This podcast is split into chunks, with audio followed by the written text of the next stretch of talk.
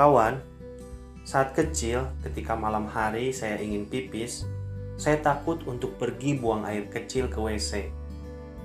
Saya harus membangunkan orang tua dulu kalau mau pipis. Alasannya karena saya untuk sampai ke WC itu saya harus melewati dapur yang sangat gelap.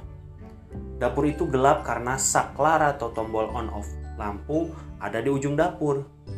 Jadi saya harus melewati kegelapan untuk menyalakan lampunya.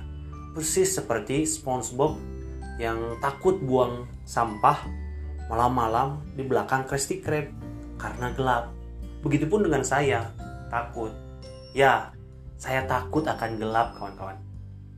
Tapi menginjak remaja atau SMP, saya mulai memberanikan diri untuk melewati dapur gelap dan menyalakan lampu tanpa harus membangunkan orang tua terlebih dahulu.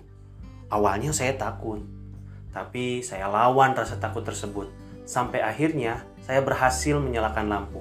Dan ternyata kawan, setelah dinyalakan, hal yang saya takuti dalam gelap itu ternyata tidak ada.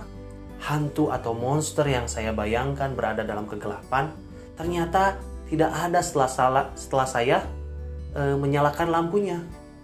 Keesokan harinya, saya mulai bisa percaya diri dan tidak takut lagi. Sampai akhirnya saya benar-benar berani dan tidak menjadikan kegelapan sebagai masalah. Mengingat kisah kecil masa masa lalu saya tersebut, saya mendapatkan beberapa pelajaran atau insight.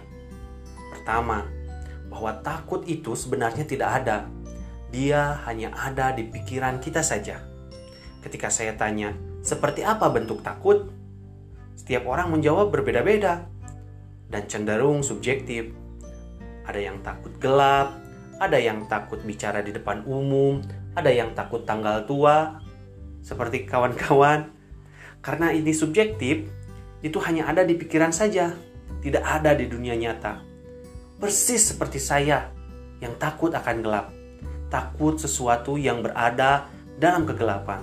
Ternyata setelah dinyalakan, apa yang saya takutkan tidak ada. Jadi selama ini yang menghalangi saya untuk buang air kecil ke WC sendiri adalah pikiran saya sendiri, bukan sesuatu yang ada di luar diri saya. Saya jadi belajar. Anda boleh menggarisbawahi ini. Takut akan sesuatu telah menggagalkan banyak orang dibandingkan sesuatu itu sendiri. Saya ulangi, takut akan sesuatu telah menggagalkan banyak orang dibandingkan sesuatu itu sendiri. Yang kedua, insight kedua yang saya dapatkan adalah tentang membangun kepercayaan diri. Untuk membangun kepercayaan diri, saya harus melakukan atau melakukan sesuatu atau melakukan tindakan action. Tindakan ini nantinya akan menunjukkan hasil.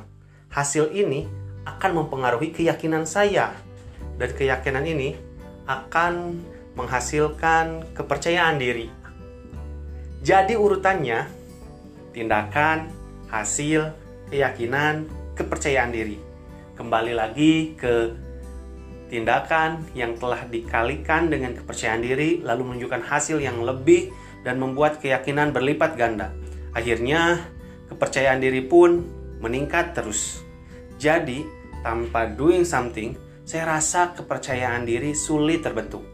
Tanpa saya langkahkan kaki untuk menyalakan saklar, nampaknya sampai saat ini saya akan takut akan gelap. So, untuk melawan rasa takut, meningkatkan kepercayaan diri, just do it.